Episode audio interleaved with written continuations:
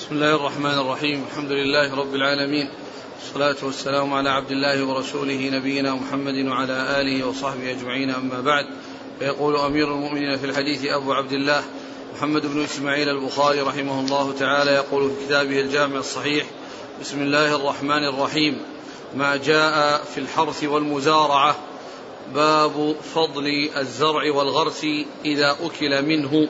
وقوله تعالى أفرأيتم ما تحرثون أأنتم تزرعونه أم نحن الزارعون لو نشاء لجعلناه حطاما قال حدثنا قتيبة بن سعيد قال حدثنا أبو عوانة حا قال وحدثني عبد الرحمن بن المبارك قال حدثنا أبو عوانة عن قتادة عن أنس رضي الله عنه أنه قال قال رسول الله صلى الله عليه وآله وسلم ما من مسلم يغرس غرسا أو يزرع زرعا فيأكل منه طير أو إنسان أو بهيمة إلا كان له به صدقة. وقال لنا مسلم حدثنا أبان قال حدثنا قتادة قال حدثنا أنس عن النبي صلى الله عليه وآله وسلم. بسم الله الرحمن الرحيم الحمد لله رب العالمين وصلى الله وسلم وبارك على عبده ورسوله نبينا محمد وعلى آله وأصحابه أجمعين أما بعد. يقول الإمام البخاري رحمه الله آه كتاب المزارع كتاب الحرث والمزارعة أو أبواب ما يتعلق بالحرث بالحرث والمزارعة. والحرث والزرع معناهما واحد. وقد وذكر الآية ورأيتم ما تحرثون أأنتم تزرعون أم نحن الزارعون؟ والمزارعة هي مفاعلة من الزرع وهي أن يتفق صاحب أرض مع إنسان يزرعها و ويكون له ويكون له جزء معلوم النسبة مما يخرج منها أو يكون يؤجرها بالدراهم والدنانير أو يؤجرها بالدراهم والدنانير فكل ذلك سائغ في المزارعة.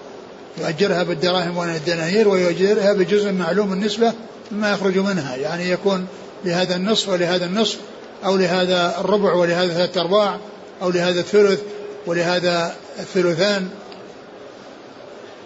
ف فهي سائغة وقد جاء بها قد جاءت قد جاءت بها سنة رسول الله صلى الله عليه وسلم. ثم ذكر الآية قال باب باب. باب فضل الزرع والغرس إذا أكل منه. باب فرض فضل الزرع الغرس والزرع إذا أكل منه. الغرس مثل غرس النخل وغرس الأشجار التي تثمر. والزرع هو ما يزرع مما مما يحصد. لأن لأن الغرس يكون للشجر يعني كالنخل. ويكون يعني لما والزرع للشيء الذي يزرع ويحصد. وإذا زرع الإنسان وأكل من هذا الزرع حيوانات أو إنسان فإنه يؤجر على ذلك. إذا أكل منه بهيمة وأكل منه طير أو أكل منه إنسان فإنه يؤجر يؤجر على ذلك. ويحصل الأجر من الله سبحانه وتعالى على هذا العمل الذي الذي الذي عمله.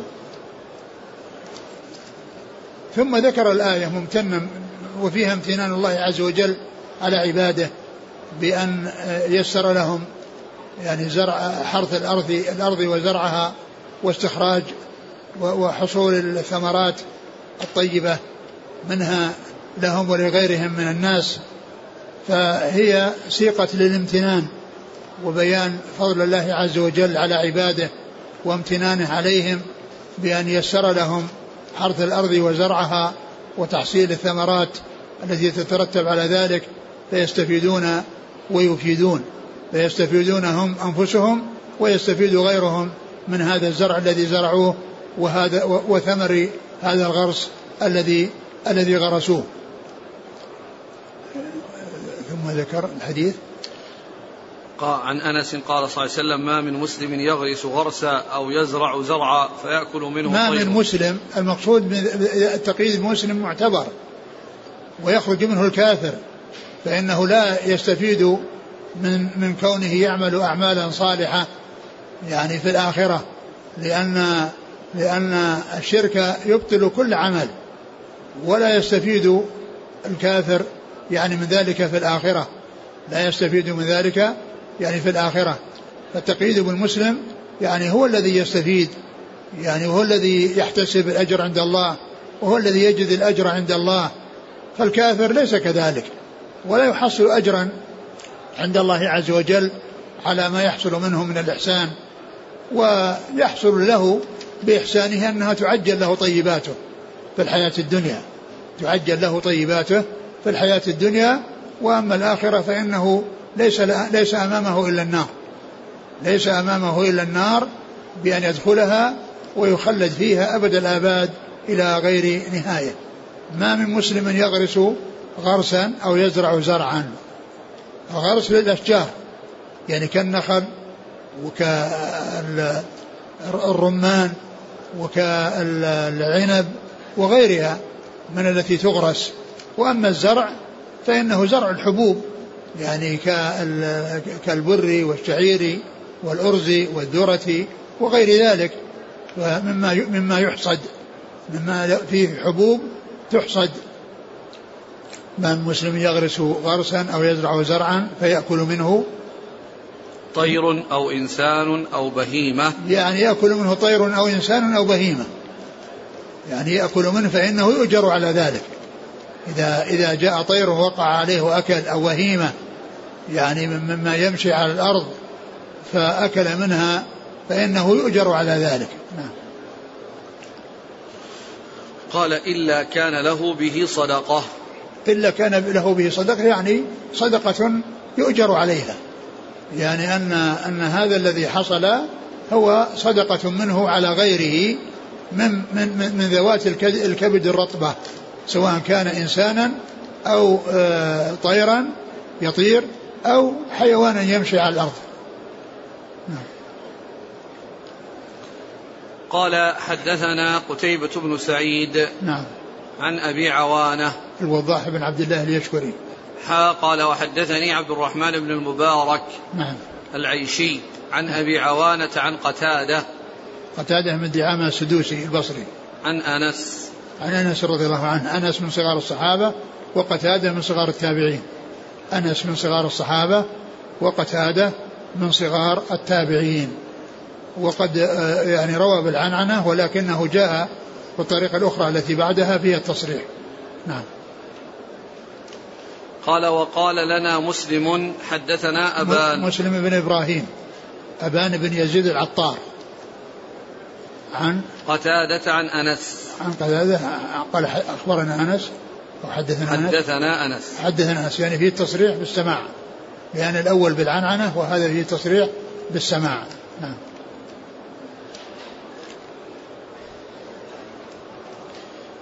ما الفرق بين المزارعة والمساقاة؟ المساقاة تكون على النخل. المساقاة تكون على النخل يعني يسقي النخل. يسقي الأشجار. يعني أشجار موجودة يساقيه عليها بأن يعني يعني يسقيها وله نصف الثمرة أو ربع الثمرة. وأما المزارعة فهي بالزرع. المساقات في الغرس وأما المساقات وأما المزارعة فهي بالزرع. إذا لم ينوي هذا الإنسان الذي زرع زرعا أو غرس غرسا لم ينوي أن ما يؤكل من مزرعته أراد به وجه الله. على كل على يؤجر على ذلك. يعني يؤجر على ذلك لأنه يعني الإنسان يعني تسبب في وجود هذا الخير وإن لم يكن على باله وإن لم يكن على باله فإن الله تعالى يأجره على ذلك.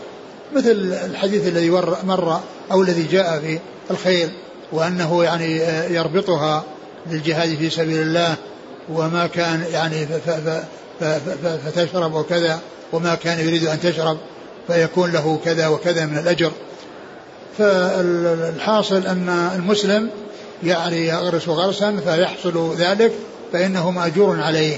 وإذا كان احتسب الأجر والثواب لا شك أن هذا يعني يعني كما قال الرسول صلى الله عليه وسلم إنما الأعمال بالنيات.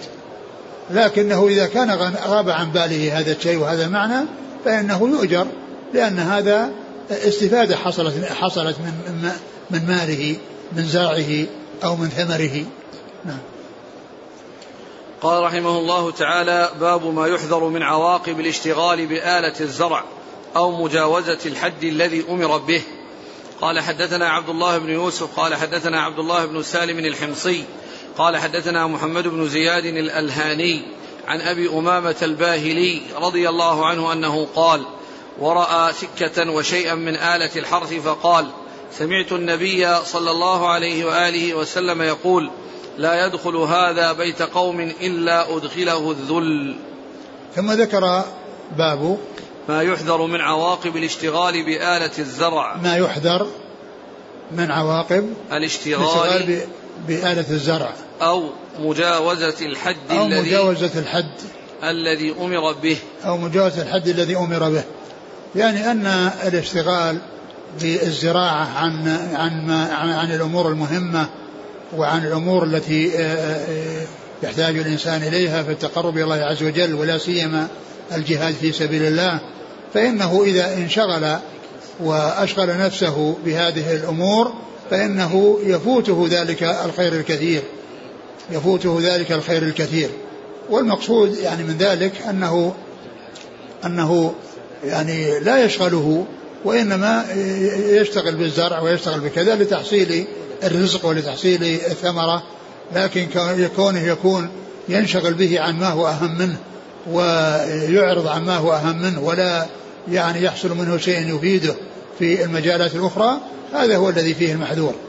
وأما كون الإنسان يزرع فالزراعة يعني مرغب فيها وفيها فوائد لا سيما ما جاء في الحديث السابق أن أن أن الطير والحيوان والإنسان إذا أكلوا منها شيئا فإن ذلك يكون له صدقة فهي يعني وكذلك إحسان يعني إقاتته لنفسه وإحسانه إلى غيره وكذلك أيضا وجوده في الأسواق من أجل أن أن أن يبيعه يبتاعه الناس ويستفيدون منه. كل هذا الإنسان ماجور عليه لكنه إذا تجاوز الحد أو انشغل به عن عن عن عن, عن, عن غيره مما هو أهم منه من الأعمال الصالحة. فكان شغله الدنيا فقط وأعرض أو كان سببا ذلك في انشغاله عما يعود عليه بالخير في أمور دينه. هذا هو الذي فيه المحذور. وذكر حديث أبي أمامة رضي الله عنه أنه رأى أنه رأى سكة. سكة يعني آلة من آلات الحرب. آلات الحرب. آلة من آلات الحرب فقال إنها ما دخلت يعني بيت قوم إلا حصل لهم الذل. والمقصود من ذلك أن اشتغالهم بالزراعة عن ما هو أهم منها ونسيان ما ما هو أعظم منها وما هو أفيد منها هذا هو الذي فيه المحذور. وذلك لا يعني أن الزراعة لا يشتغل بها بل الزراعة يشتغل بها والناس بحاجة إليها. والله عز وجل ذكر ذلك في الامتنان على عباده أفرأيتم ما تحرثون؟ أنتم تزرعونه أم نحن الزارعون. نعم. قال حدثنا عبد الله بن يوسف التنيسي. المصري المدني. نعم. عن عبد الله بن سالم الحمصي. نعم. الشامي. قال حدثنا محمد بن زياد الألهاني. نعم. الحمصي الشامي. نعم. عن أبي أمامة الباهلي. أبو أمامة صدي بن عجلان الباهلي.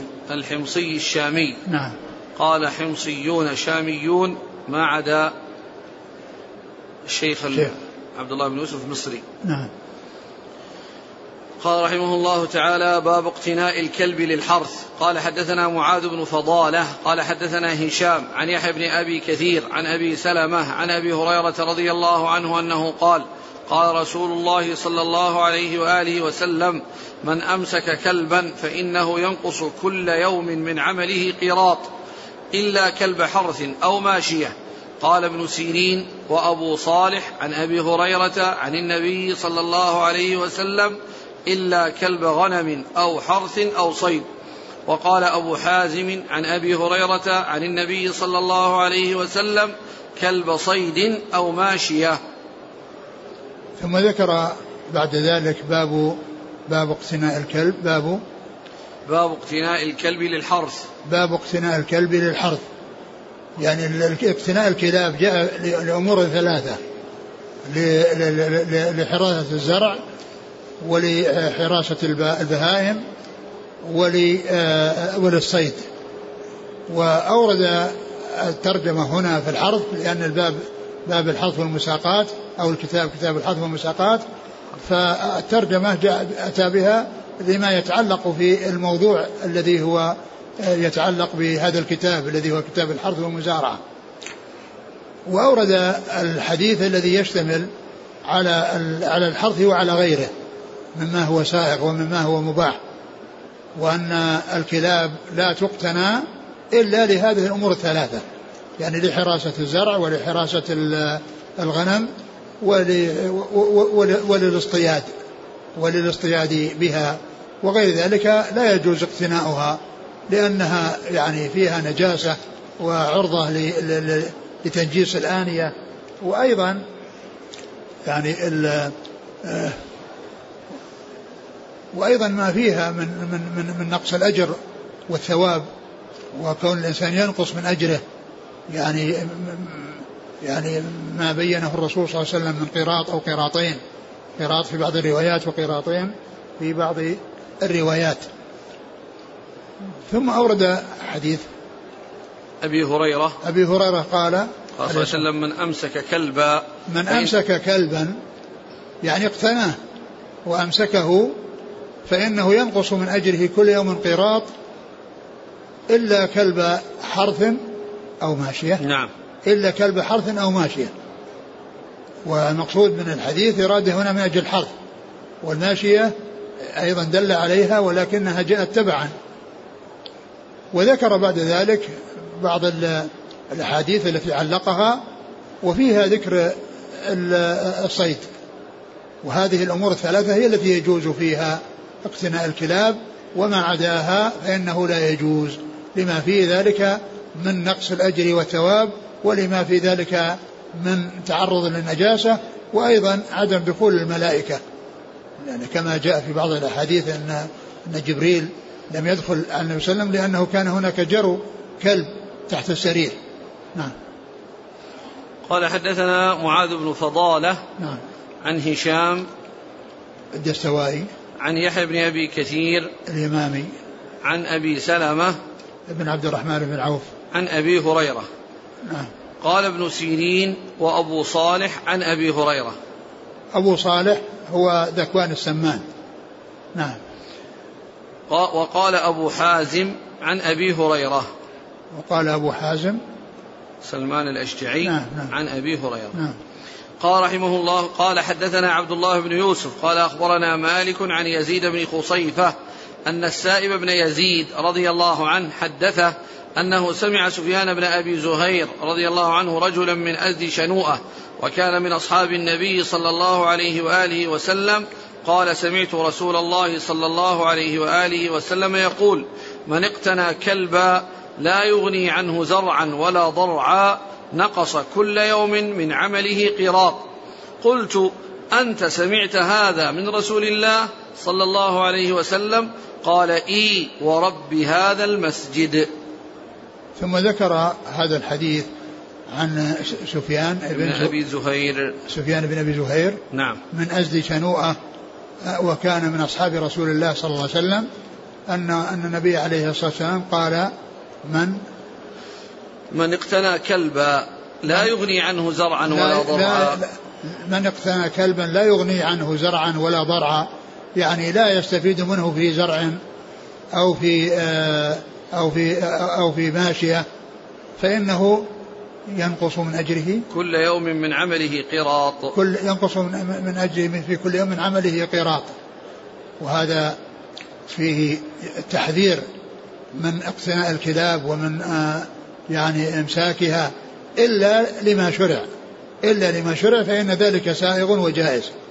وإذا أمسكها الإنسان فيستفيد منها وإذا استغنى عنها يتركها. ولا يبيعها لأن النبي صلى الله عليه وسلم قال ثمن الكلب خبيث فلا يبيعها وإنما يعطيها لغيره أو يرسلها. إما يعطيها لغيره يستفيد منها في الأمور الثلاثة أو يرسلها ويتركها ولكن لا, لا, لا يبيعها. ف فسأله آه، الراوي من هو الراوي اللي روى عنه؟ السائب بن يزيد السائب بن يزيد الصحابي الصغير رضي الله تعالى عنه هو الذي يروي عن هذا الصحابي الذي هو من أزد شنوءة آه، سأله قال هل سمعت هذا من رسول الله صلى الله عليه وسلم؟ يعني يريد أن يتأكد. فقال إي ورب هذا المسجد. يعني حلف على ذلك وأنه سمعه. وهذا من من من, ما يفعله الصحابة في التأكد من من من من صحة السماع من رسول الله صلى الله عليه وسلم. وأيضا الصحابي كونه يخبر بما بما سمعه وأنه متحقق من ذلك وأنه يقسم على ذلك وأنه يقسم على ذلك فيقول إيه ورب هذا المسجد يعني إنني سمعته. ففيه الحلف للتأكيد فيه الحلف للتأكيد. نعم. قال حدثنا عبد الله بن يوسف عن مالك. نعم. عن يزيد بن أبي عن يزيد بن خصيفة. نعم. منسوب إلى جده. نعم. يزيد بن عبد الله بن خصيفة المدني. نعم. عن السائب بن يزيد. السائب بن يزيد رضي الله عنه صحابي صغير. يعني حج به أو حج به أهله حجة الوداع مع رسول الله صلى الله عليه وسلم وعمره سبع سنين. قال حج بي مع رسول الله صلى الله عليه وسلم وأنا ابن سبع سنين. حج بي مع رسول الله صلى الله عليه وسلم وأنا ابن سبع سنين. يعني أنه في حجة الوداع عمره سبع سنين وأن أهله وأن أهله قد حجوا به مع النبي صلى الله عليه وسلم وهو صغير. نعم. عن سفيان. عن سفيان بن أبي زهير. نعم. ففيه رواية صحابي عن صحابي. نعم. يقول السائل هل اقتناء الكلاب خاص بالبادية أم يجوز اتخاذها في المدن لو ولو كان في أذية للناس. معلوم معلوم أن أن المزارع أن المزارع ليست في البادية. والكلاب تقتنى لها. تقتنى لها. وكذلك الماشية أيضا. يعني آآ آآ تكون يعني للحاضرة ويعني يكون يسرح بها ويكون معها كلب. يعني جائز.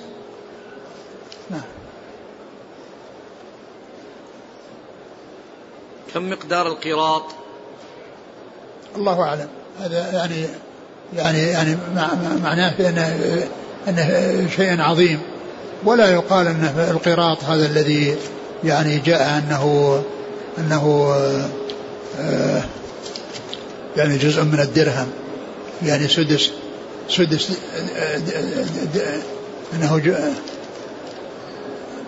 أنه جزء من من النقود يعني صغير. نعم. الدانق؟ لا غير لا غير الدانق. لكن القراريط يعني ما اتذكر وش مقداره. الدانق هذا كل درهم ستة دوانق. نعم. قال رحمه الله تعالى باب استعمال لكن البقر. هذا مثل لأن القراط أحيانا يذكر به ويكون ضخما مثل ما جاء فيما يتعلق بصلاة على الجنازة واتباعها أن له قراط قيل وما القراطان؟ قال مثل جبل أحد. مثل مثل جبل أحد. يعني هذا فيما يتعلق بالخير والثواب. وأما هذا نقصان يعني عمل نقصان أجر يعني لهذا العمل الذي عمله في إيش مقداره؟ لا أدري.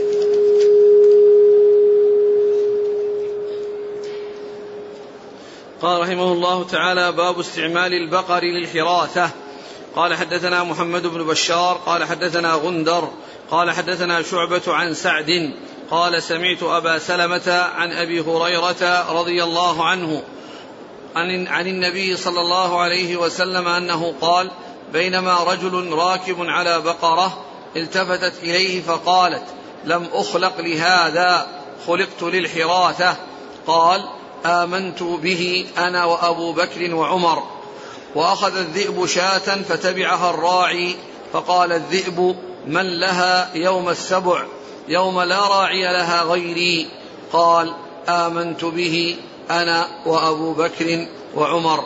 قال أبو سلمة وما هما يومئذ في القوم. ثم ذكر هذه الترجمة وهي يعني باب استعمال البقر في الحراثة وأنه في الزرع. وذكر هذا الحديث الذي الذي فيه أن رجلا كان ركب على بقرة فالتفتت إليه وقالت إنني لم أخلق لهذا إنما خلقت للحرث. فتعجب الناس من من من بقرة يعني تتكلم. فالرسول صلى الله عليه وسلم قال إني أؤمن بهذا أنا وأبو بكر وعمر. ولم يكونا موجودين في القوم. وهذا يعني الرسول صلى الله عليه وسلم أخبر بأنه يؤمن بهذا ويصدق بهذا وأبو بكر وعمر يصدقان.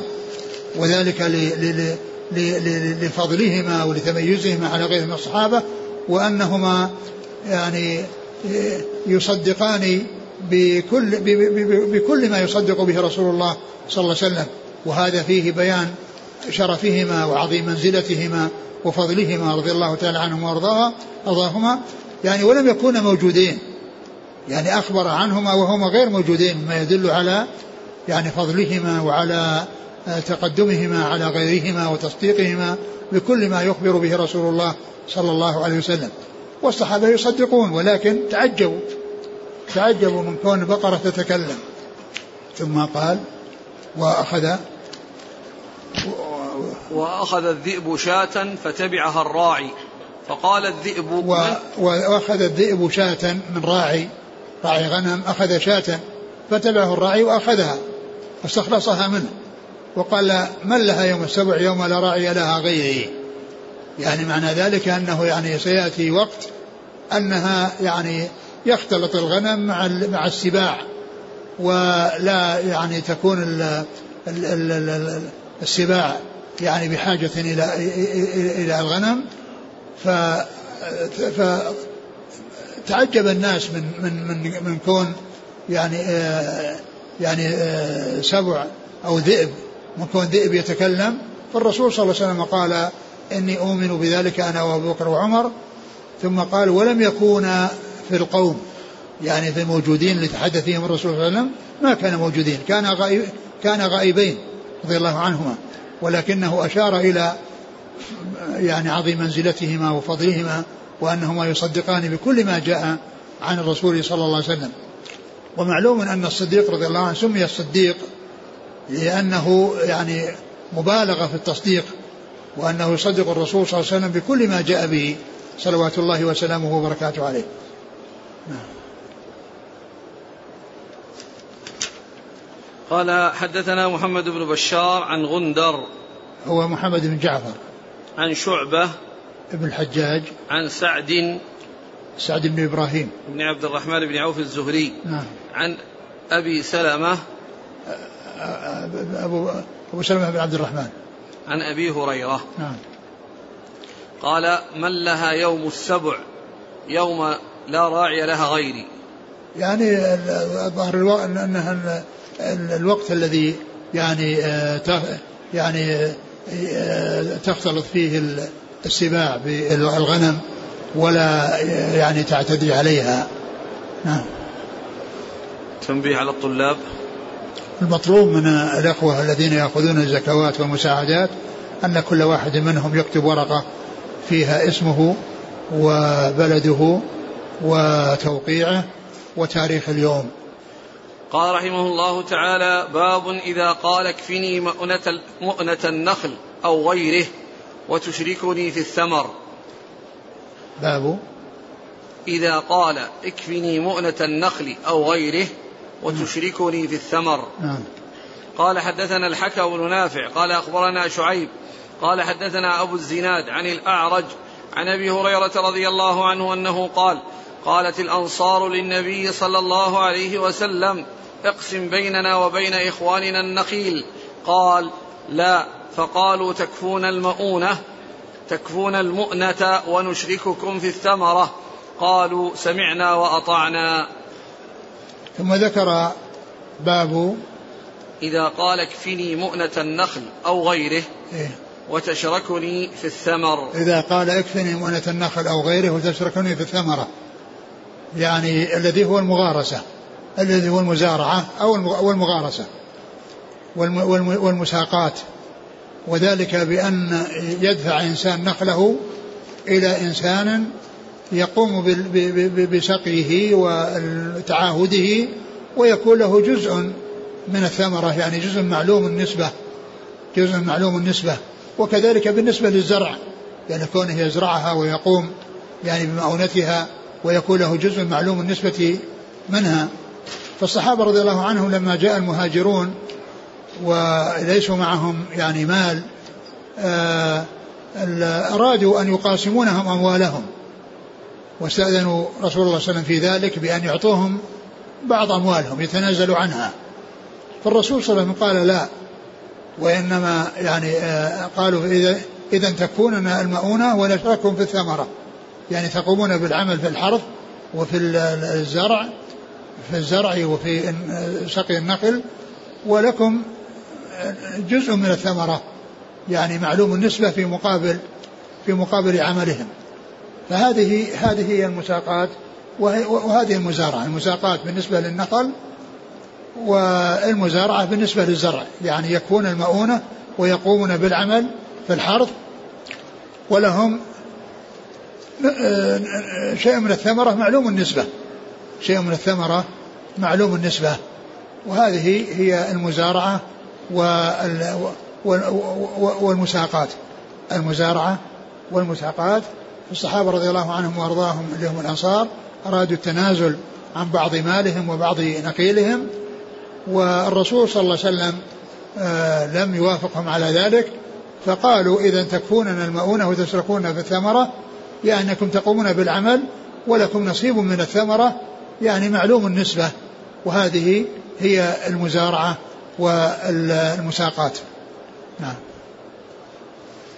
قالت الأنصار للنبي صلى الله عليه وسلم اقسم بيننا وبين إخواننا النخيل. نعم يعني نخيلهم اللي هو للأنصار يعني يجعلوا أرادوا من النبي صلى الله عليه وسلم أن يقسم بينهم فيعطي الأنصار اللي هم أهل الزر أهل, أهل الأصل شيئا ويعطي المهاجرين الذين جاءوا وليس معهم شيء يعني شيئا. فالرسول لم يوافق. لم يوافق على ذلك. يعني في انتظار ما يحصل من من الغنائم والخير الذي ساقه الله عز وجل لرسوله صلى الله عليه وسلم والذي كان يعطي يعني من من الفيء الذي يفيء الله بتعبه عليه فلما رأوا أنه ما لم يحصل لهم ما أرادوا من القسمة انتقلوا إلى أن الصحابة المهاجرين يعملون في نخيلهم ويقومون بكفايتهم المؤونة الشغل في هذا الحرث أو في هذا في هذا النخل ولهم يعني شيء من الثمرة يعني معلوم النسبة. نعم. قال حدثنا الحكم بن نافع.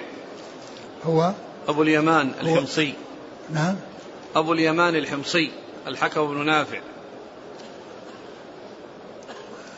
وذاك محمد بن فضل المشكلية أبو النعمان. أبو النعمان نعم. نعم. عارم السدوسي. نعم نعم نعم. عن شعيب. وهنا ذكره باسمه وكثيرا ما كان يذكره بكنيته. عن شعيب بن أبي حمزة. عن أبي الزناد. عبد الله بن ذكوان. عن الأعرج. عبد الرحمن بن هرمز. عن أبي هريرة. نعم. قال رحمه الله تعالى باب قطع الشجر والنخل. وقال أنس رضي الله عنه أمر النبي صلى الله عليه وآله وسلم بالنخل فقطع. قال حدثنا موسى بن إسماعيل قال حدثنا جويرية عن عن نافع عن عبد الله رضي الله عنه عن النبي صلى الله عليه وآله وسلم أنه حرق نخل بني النضير وقطع وهي البويرة ولها يقول حسان وهان على سرات بني لؤي حريق بالبويرة مستطير. ثم ذكر هذه الترجمة فقال باب, باب قطع الشجر والنخل. باب قطع الشجر والنخل. يعني للحاجة ك يعني كأن يكون احتيج إلى مكانه أو مكان بعض النخل لي يعني يبنى فيه أو ل أو ل لأمر يقتضي ذلك. فذلك سائر. وكذلك إذا إذا إذا حصل يعني نكاية بأحد نكاية بأحد فإن ذلك سائر كما جاء في هذا الحديث عن رسول الله صلى الله عليه وسلم أنه حرق يعني نخل بني النضير وقطع.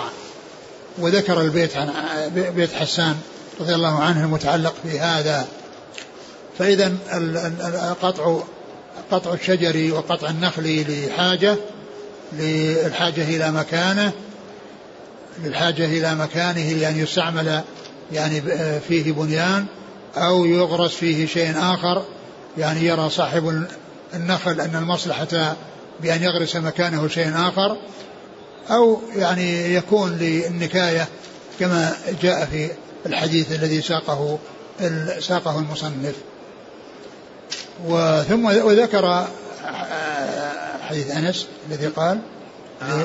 قال الأول معلق قال أنس أمر النبي صلى الله عليه وسلم بالنخل فقطع. قال أمر في النخل فقطع. وهذا المقصود به النخل الذي كان في مكان مسجده صلى الله عليه وسلم. في مكان مسجده صلى الله عليه وسلم فإنه آه، يعني آه، أخذه يعني طلب من الأنصار أن يثامنوه أهله وأن يحددوا ثمنا يدفع لهم فقالوا إنهم لا يفعلون ذلك وإنما يتنازلون به ويجعلوا يعني يجعلوه مسجدا دون أن يأخذوا عوضا يعني عن ذلك. فقوله يعني أمر بالنخل فقطع يعني النخل الذي في مكان المسجد. فهذا قطع للحاجة. فهذا فيه القطع للحاجة. لأنه أريد أن يكون مكانه مسجد. نعم.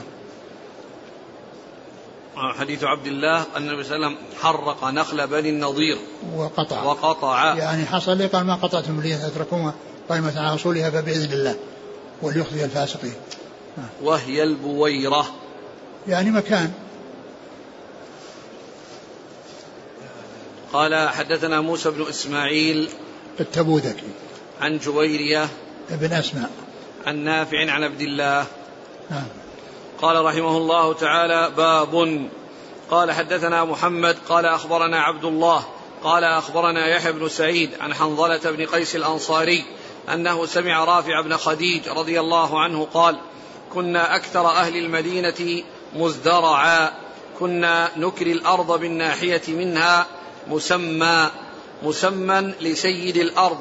قال فما يصاب ذلك وتسلم الأرض ومما فمما يصاب ذلك وتسلم الأرض ومما يصاب الأرض ويسلم ذلك. فنهينا. وأما الذهب والورق فلم فلم يكن يومئذ. ثم ذكر يعني آه باب. باب وهي يعني بدون ترجمة. والباب اللي قبله وش هو؟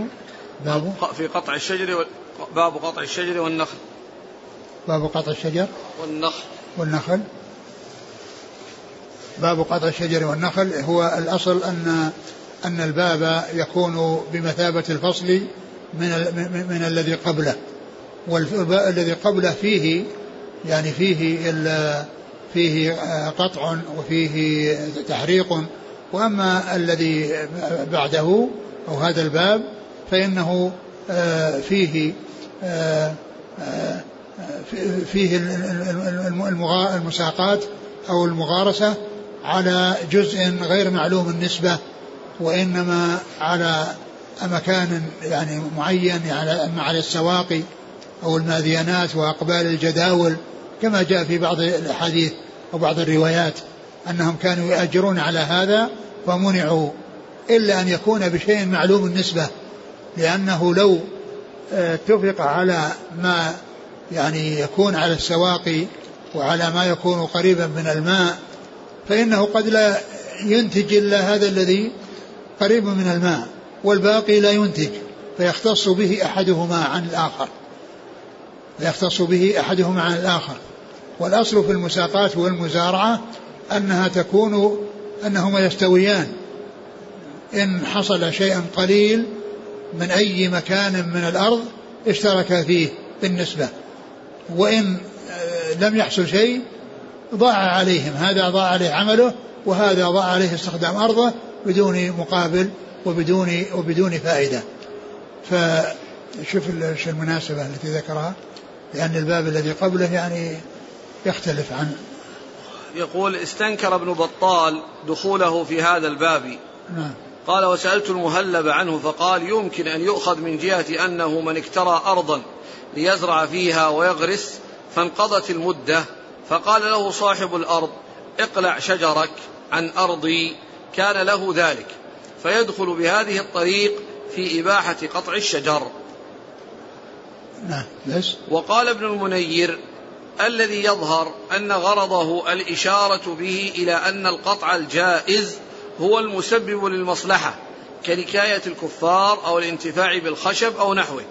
والمنكر هو الذي عن العبث والإفساد وجه أخذه من حديث رافع بن خديج أن الشارع نهى عن المخاطرة في كراء الأرض إبقاء على منفعتها من الضياع مجانا في عواقب المخاطرة. فإذا كان ينهى عن تضييع منفعتها وهي غير محققة ولا مشخصة فلا أن ينهى عن تضييع عينها بقطع أشجارها عبثا أجدر وأولى. انتهى؟ نعم. نعم. قال رافع بن خديج كنا أكثر أهل المدينة مزدرعا. كنا نكري الأرض بالناحية منها. مسمى قال كنا أكثر أهل المدينة مزدرعا يعني أكثر مزارع. فكنا نكري الأرض بما يظهر في ناحية منها. يعني ما يخرج في ناحية من النواحي يكون لسيد لصاحب الأرض أو للعامل.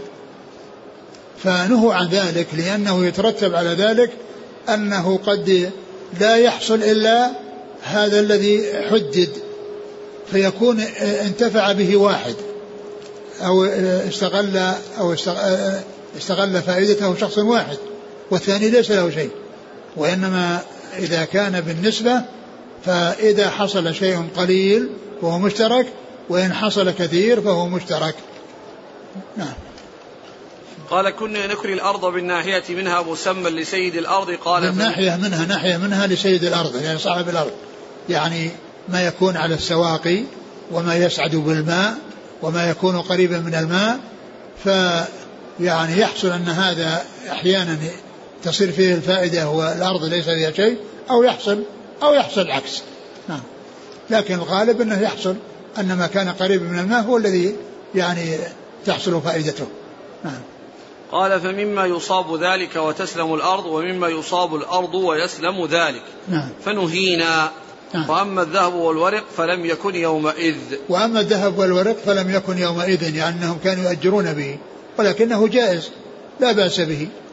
ال ال الأرض يعني آآ آآ تؤجر بالذهب والفضة وكذلك بالمغارسة بأن يكون لأحدهما جزء معلوم النسبة والثاني جزء معلوم النسبة. وأما إذا كان أحدهما يختص بشيء والثاني يعني والباقي للآخر فإن هذا فيه غرر وجهالة بحيث يمكن أن يستفيد أحدهما دون الآخر. والمقصود في المزارعة والمساقات أن الكل يستفيد سواء كانت الثمرة قليلة أو كثيرة فإن كل واحد له نصيب. وأما إذا حدد شيء معين فقد يختص به أحدهما صاحب الأرض أو صاحب العمل دون الآخر وهذا غير سائغ وهذا مثل المضاربة يعني كونه يقول أنا لي كذا والباقي لك لا يجوز وإنما يكون بشيء معلوم النسبة ثلث وثلثين نصف ربع وثلاثة أرباع وهكذا. نعم. قال حدثنا محمد عن عبد الله محمد بن مقاتل. محمد المقاتل المروزي عن عبد الله بن المبارك المروزي. عن يحيى بن سعيد عن حنظلة بن قيس الأنصاري. يحيى بن سعيد الأنصاري نعم. عن رافع بن خديج. نعم. قال رحمه الله تعالى باب المزارعة بالشطر ونحوه. وقال قيس بن مسلم عن أبي جعفر قال ما بالمدينة أهل بيت هجرة إلا يزرعون على الثلث والربع.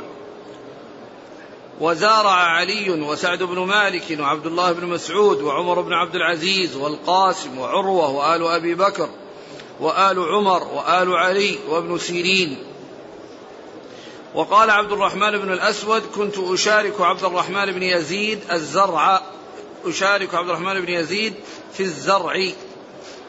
وعامل عمر الناس على إن جاء عمر بالبذر من عنده فله الشطر. وإن جاءوا بالبدر فلهم كذا.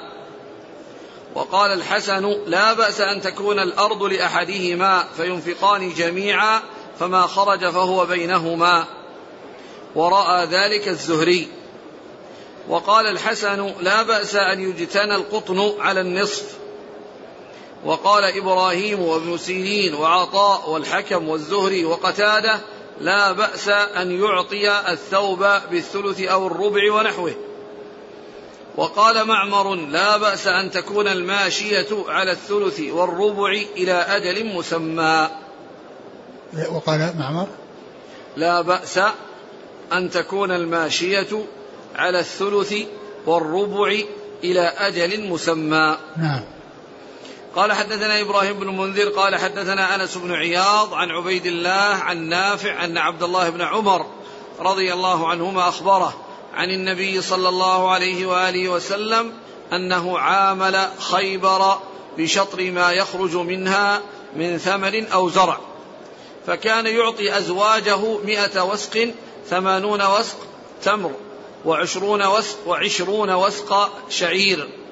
فقسم عمر خيبر فخير أزواج النبي صلى الله عليه وسلم أن يقطع لهن من الماء والأرض أو يمضي لهن فمنهن من اختار الأرض ومنهن من اختار الوسق.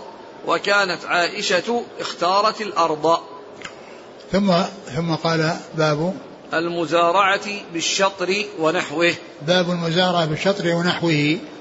يعني ونحوه من مما هو يعني يعتبر نسبة. يعني كالشطر والثلث والثلثين والربع والثلاثة الأرباع والخمس والأربعة الأخماس وهكذا. يعني الشطر اللي هو النصف ونحوه يعني كثلثين و وثلاثة الأرباع وهكذا. فباب باب باب المزارعة بالشطر ونحوه. يعني أن هذا سائغ. يعني أن هذا هو السائغ في المزارعة بأن تكون بشيء معلوم النسبة قلت أو كثرت. ثم ذكر آثارا عديدة تدل على اعتبار المساقات المزارعة على النصف على على النصف وغيره مما هو معلوم النسبة. فقال أول الآثار. وقال قيس بن مسلم عن أبي جعفر قال ما بالمدينة أهل بيت هجرة إلا يزرعون على الثلث والربع. يعني هذا يعني يفيد بأن أهل المدينة كانوا يعني يزرع يزارعون على على الثلث والربع بمعنى أن الذي يزرع له الثلث ولهم الثلثان والعكس أو ثلاثة الأرباع والربع.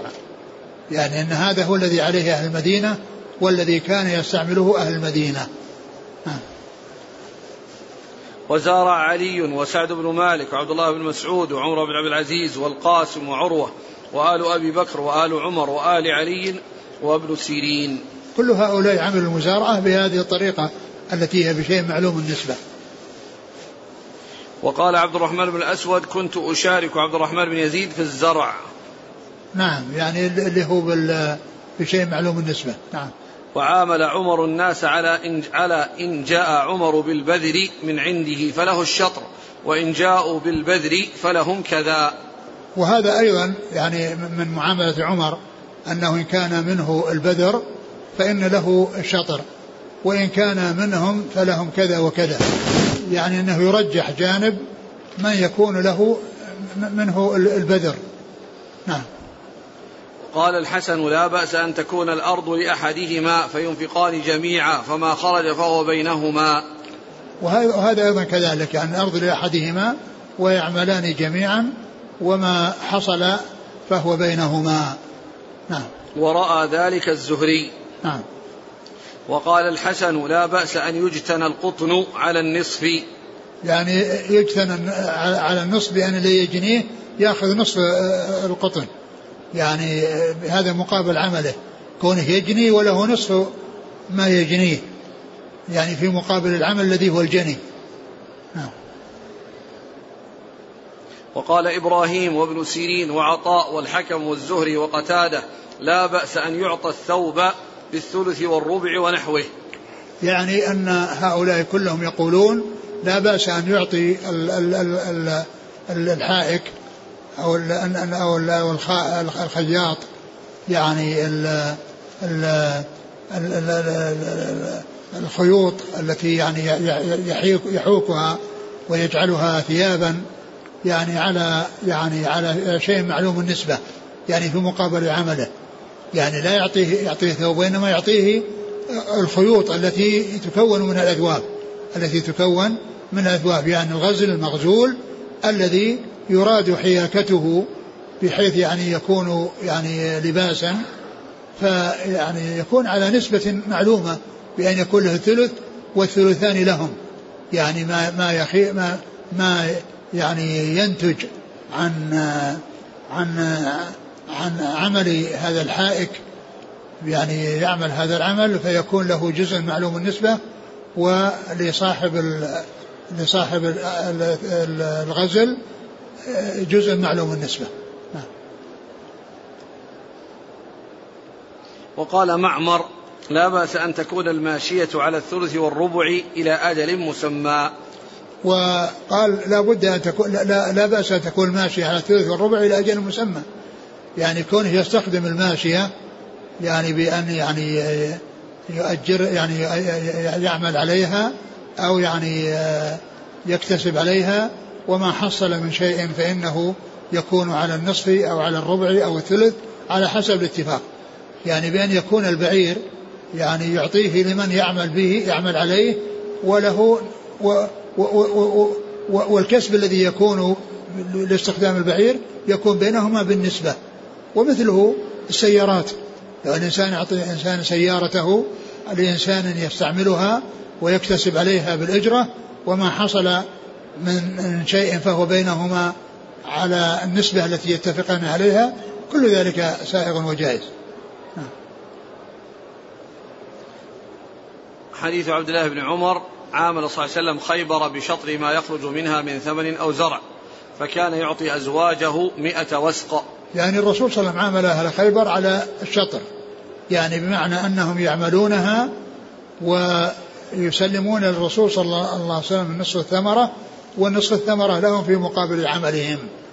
وهذا معلوم النسبة فهو الذي ثبت عن رسول الله صلى الله عليه وسلم وفعله يعني الكثيرون من العلماء كما مرت يعني هذه الآثار عنهم. نعم. كان يعطي أزواجه مئة وسق. وكان يعطي أزواجه يعني قوت العام مئة وسق منها ثمانون ثمانون من التمر وعشرون من الشعير. ولما ولما وقد يعني لما قسم عمر رضي الله عنه لما أجلى اليهود وقسم الأرض فخير زوجات الرسول صلى الله عليه وسلم إن يأخذن يعني نصيبا من الأرض وأن يقتطع لهن قطعة من الأرض لهن يعني ريعها أو يجرى أو يجري لهن هذا الذي كان أجراه الرسول صلى الله عليه وسلم لهن وهو هذه الأوسق المئة. نعم. وكانت عائشة اختارت الأرض. اختارت الأرض ولم تختار الأوسق نعم. قال حدثنا إبراهيم بن المنذر. لا شوف الأسماء اللي قبل.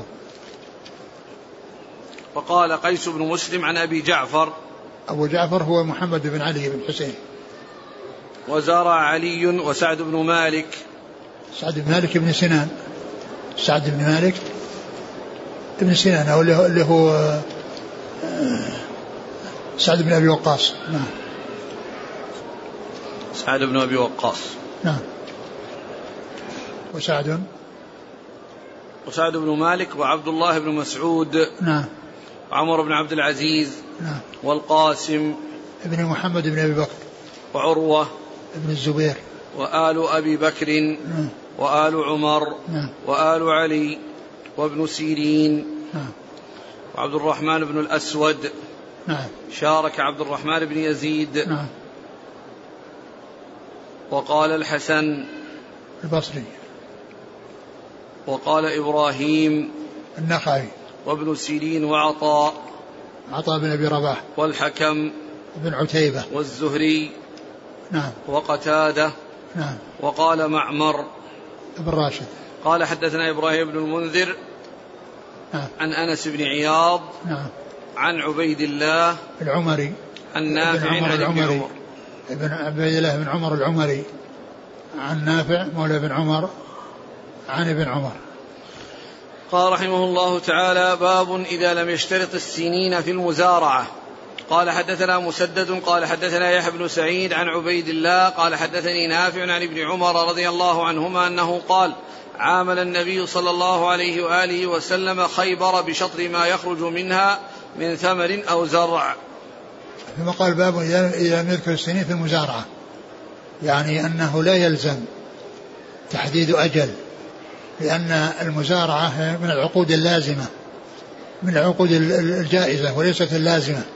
الإجارة هي التي من العقود اللازمة التي لا بد فيها من تحديد الأجرة وتحديد الأجر وأما المزارعة فهي من العقود الجائزة التي يعني لا يلزم فيها تحديد وإنما إذا إذا انتهى يعني سنة من السنوات فإن لكل واحد منهما الفسخ. وأما بالنسبة للإجارة فإنه لا بد من تحديد الأجرة يعني والاتفاق لا بد أن يكون بتحديد الإجرة ومقدارها وأجل وأنه يكون إلى أجل. فالعقود الجائزة تختلف عن العقود اللازمة. ولهذا آه، ترجم هذه الترجمة وأتى بالحديث الذي فيه يعني معاملة خيبر وقد أطلق الأمر ولم يحدد بالسنين. ما قيل عشر سنين ولا يعني وين الأمر مطلق. ولهذا عمر رضي الله عنه أجلاهم وفسخ العقد الذي كان ساريا يعني المفعول آه، فسخه و لأنه لم يكن هناك آه، مدة محددة يعني ينتهى عندها. نعم. الحديث. قال. قال حدثنا مسدد الحديث ابن عمر عام النبي صلى الله عليه وسلم خيبر بشطر ما يخرج منها من ثمر أو زرع. نعم، ولم يذكر أجلا ولم يذكر سنين معلومة. نعم. قال حدثنا مسدد ابن مسرهد. عن يحيى بن سعيد القطان عن عبيد الله عن نافع عن ابن عمر. نعم. قال رحمه الله تعالى باب. قال حدثنا علي بن عبد الله قال حدثنا سفيان قال قال عمرو قلت لطاووس لو تركت المخابرة فإنهم يزعمون أن النبي صلى الله عليه وسلم نهى عنه. قال أي عمرو إني أعطيهم وأغنيهم وإني أعلمهم. وإن, وإن أعلمهم. وإني أعلمهم. أخبرني يعني ابن يعني ابن عباس. وإني؟ لا وإن نعم. أي نعم. وإن أعلمهم. نعم. أخبره أخبرني يعني ابن عباس رضي الله عنهما أن النبي صلى الله عليه وسلم لم ينه عنه ولكن قال أن يمنح أحدكم أخاه خير له من أن يأخذ عليه خرجا معلوما. باب باب بلا ترجمة. نعم باب باب بلا ترجمة وهو بمثابة الفصل من الذي قبله وفيه أن أنه قال آه الذي قال أنه عمرو بن دينار قلت لطاووس لو تركت المخابرة نعم. فإنهم يزعمون أن النبي صلى الله عليه وسلم نهى عنه. نعم. قال أي عمرو إني أعطيهم وأغنيهم. يعني أولا في أول الأمر كان جاء حديث تنهى عن عن عن كراء الأرض وعن المخابرة وعن يعني ثم بعد ذلك جاءت الأحاديث يعني ناسخة لهذا ومبينة الجواز وهو الذي توفي رسول الله صلى الله عليه وسلم وهو وهو معمول به وعمل به الخلفاء من بعده في عهد أبي بكر وعمر يعني فيما يتعلق بقصة خيبر ومعاملة أهل خيبر وهي يعني فيكون المنهي عنه أنه كان في أول الأمر أنه نهي عنه من أجل الإرفاق بالناس وأن المقصود يعني أنهم يرغبون بأنهم يعطون بدون مقابل وأن وأن أنه من الخير للإنسان أن أن يمنحها أخاه ليعمل بها ويستفيد منها و وأن لا يأخذ عليها يعني شيئا. ولكنه بعد ذلك ثبتت السنة في جوازه وأن ذلك سائغ إذا كان بشيء معلوم النسبة وكذلك فيما إذا كان في بالذهب والفضة وإنما الممنوع منه والذي بقي المنع منه إذا كان فيه يعني غرر وفيه جهالة بحيث يشترط جزء من الأرض إذا ما حصل فيه فهو لي وما حصل في في غيره فهو لك هذا هو الذي بقي المنع منه. وأما وفي أول الأمر كان الترغيب في كون الإنسان يوسع على أخيه ويعني يجعله يعني يعني يعمل بدون يعني بدون مقابل ولكنه جاء بعد ذلك ما يدل على على الجواز. أعد الحديث.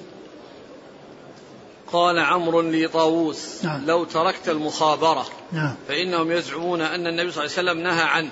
نعم. قال أي عمرو إني أعطيهم وأغنيهم. وفي الرواية الرواية الأخرى أعينهم. يعني أعطيهم وأعينهم. نعم. وهي التي رجحها الحافظ بدل أغنيهم. وإن أعلمهم أخبرني يعني ابن عباس أن النبي صلى الله عليه وسلم لم ينهى عنه ولكن قال أن يمنح أحدكم أخاه خير له من أن يأخذ عليه خرجا معلوما. يعني معناه أن هذا فيه بيان الأولى والأفضل وأن كونه يعني يحسن إليه ويعينه خير من أن يأخذ عليه خرجا معلوما ولكنه جاء بعد ذلك ما يدل على جواز أخذ الخرج المعلوم إذا كان معلوم النسبة إذا كان معلوم النسبة. نعم. قال حدثنا علي بن عبد الله ابن مديني عن سفيان ابن عيينة عن عمرو ابن دينار. عن ابن عباس. نعم. قال رحمه الله تعالى باب المزارعة مع اليهود. والله تعالى أعلم وصلى الله وسلم وبارك على عبده ورسوله نبينا محمد وعلى آله وأصحابه أجمعين. جزاكم الله خيرا وبارك الله فيكم. ألهمكم الله الصواب ووفقكم للحق شافاكم الله وعافاكم ونفعنا الله بما سمعنا. غفر الله لنا ولكم وللمسلمين أجمعين آمين. آمين, آمين. يقول السائل سلمت أحدا بقرة ليربيها لي بقرة نعم آه. على أن يكون الربح مشتركا بنسبة معلومة هل هذا جائز؟ جائز يقول إذا اشترى أحد سيارة وأعطاها لعامل وكلفه بمبلغ يومي. هل هذه المعاملة تصح؟ لا ما تصح لأنها قد لا تحصل هذا الشيء. قد لا تحصل لكنه يكلفه يعني بأن يعني بأن يعني ما يحصله من قليل أو كثير بينهما. ما يحصله من قليل أو كثير فهو بينهما. نعم. الله إليك. البعض يحور هذه الطريقة فيقول أنا أؤجرك هذه السيارة اليومية بمئة ريال. أجار. أنا مالي دخل أنا أريد منك أجرة. إذا أجرها عليه مئة ريال نعم يلزمه ذلك. يلزمه يعني أنه يعطيه الأجرة. لأنها لأنه ما هو شريك. وإنما استأجر استأجرها بمقدار معين. يعني قد يربح كثير وقد لا يربح. قد يربح يعني أضعاف. وقد لا يحصل إلا أقل من هذا المقدار هذه ليست مشاركة نعم إيه، لكن ال- ال- العملية هي أصلها ما هو اللي يعني هو اللي ذهب إليه المهم يعني لم يأتي نفسه المستأجر يطلب هو إيه. صاحب المال صاحب السيارة يدور له أحد فبدل ما نقول له هذا معاملة حرام بدل. ما إذا قال أنا أؤجرك وذاك قبل فهذه مؤاجرة بمعنى أنه استأجر منه هذه السيارة في اليوم بهذا المقدار بهذا المقدار. فقد يربح كثيرا وقد لا يربح. لأن هذه من مشاركة هذه إجارة كيف يضمن العامل في المزارعة حقه إذا أخرجه صاحب الأرض قبل الحصاد؟ يعني آه، أقول مثل في هذه هذه هذه خصومة يرجعون إلى من يفصل بينهم. إذا قلنا أن المزارعة من العقود الجائزة آه. إذا لكل واحد منهم الفسخ متى شاء؟ لا مو متى شاء. يعني إذا يعني إذا انتهى الزرع. إذا انتهى الزرع وجاء يعني آه، سنة أخرى يعني بحيث أنه يزرع من جديد وأما كونه يعني في أثناء الزرع يخرجه لا لا يخرج. وإنما يخرجه بعدما تنتهي السنة وتأتي سنة أخرى يعني فيها زرع جديد. إذا الكلمة جائزة جائزة؟ يعني جائزة بمعنى أنها يعني ليست ليست ليس فيها ليست كالإجارة لأن أنها جائزة إذا انتهت السنة. إذا انتهت السنة وإذا ما انتهت السنة فهو يمتد. أما بالنسبة للإجارة فهي آه، اتفاقا على على زمن معين وعلى وقت معين يجدد العقد بعد ذلك. فهي جائزة بمعنى أنها أن الإنسان آه، يعني كل ما تنتهي سنة يعني له أن يستمر وللثاني أن يخرجه الآخر له أن يخرجه. إن أراد أن يستمر يستمر وإن وإن وإن منع أحدهما الآخر بأن العامل ترك أو أن هذا قال أنا ما أريد أنك تستمر السنة الآتية. هذا هو المقصود بكونها عقد جائز. لكن ليس المقصود أنه عند في أثناء الثمرة يخرجه. يقول أنا طالب أحيانا أحضر في الدرس عندكم وتمد وتمر أحيانا مدة طويلة لا أحضر فهل يجوز أن آخذ من هذه المساعدات؟ لا لا تأخذ. يقول الآخر عندي وشم في يد اليمين صورة امرأة وقد تبت. جزاكم الله خيرا.